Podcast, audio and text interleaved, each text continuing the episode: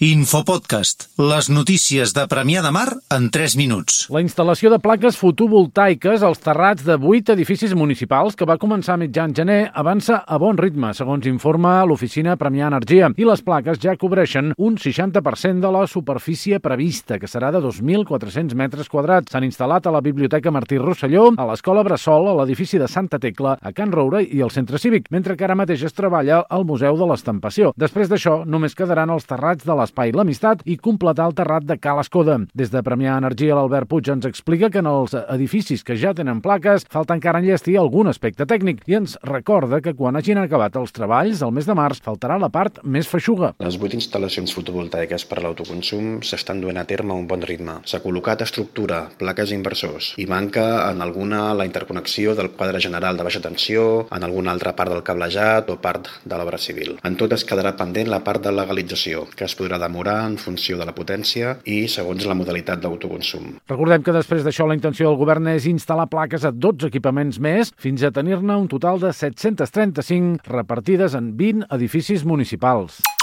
Les declaracions que va fer la setmana passada l'alcalde Rafa Navarro sobre la xarxa d'habitatge del Baix Maresme, on titllava els seus membres de descerebrats sense valors morals ni cultura de l'esforç i on els acusava d'haver convertit en un hobby l'atac als serveis socials, continuen generant reaccions. Ahir s'hi pronunciava la líder de Premià en Comú Podem, Helena Martín, que va qualificar de molt desencertades les paraules de Navarro, però que sobretot va advertir que es tracta d'una actitud que posa en perill un recurs fonamental per l'àrea de serveis socials, que és el vincle i la confiança en projectes comunitaris comentarios molt valuosos amb els quals, segons Martín, caldria reforçar la col·laboració. Declaracions com aquestes, que ens allunyen de les entitats, de la societat civil organitzada, de la ciutadania, més que sumar resta i no ajuda doncs, a generar unes confiances i uns vincles que són absolutament necessaris per qualsevol intervenció social. No? Trencar aquests vincles és molt perillós. Val a dir que abans que en Comú Podem crida que Ciutadans i el Partit Popular també han desaprovat les declaracions de Navarro a través de canals propis o bé a l'espai d'opinió de Premià Mèdia.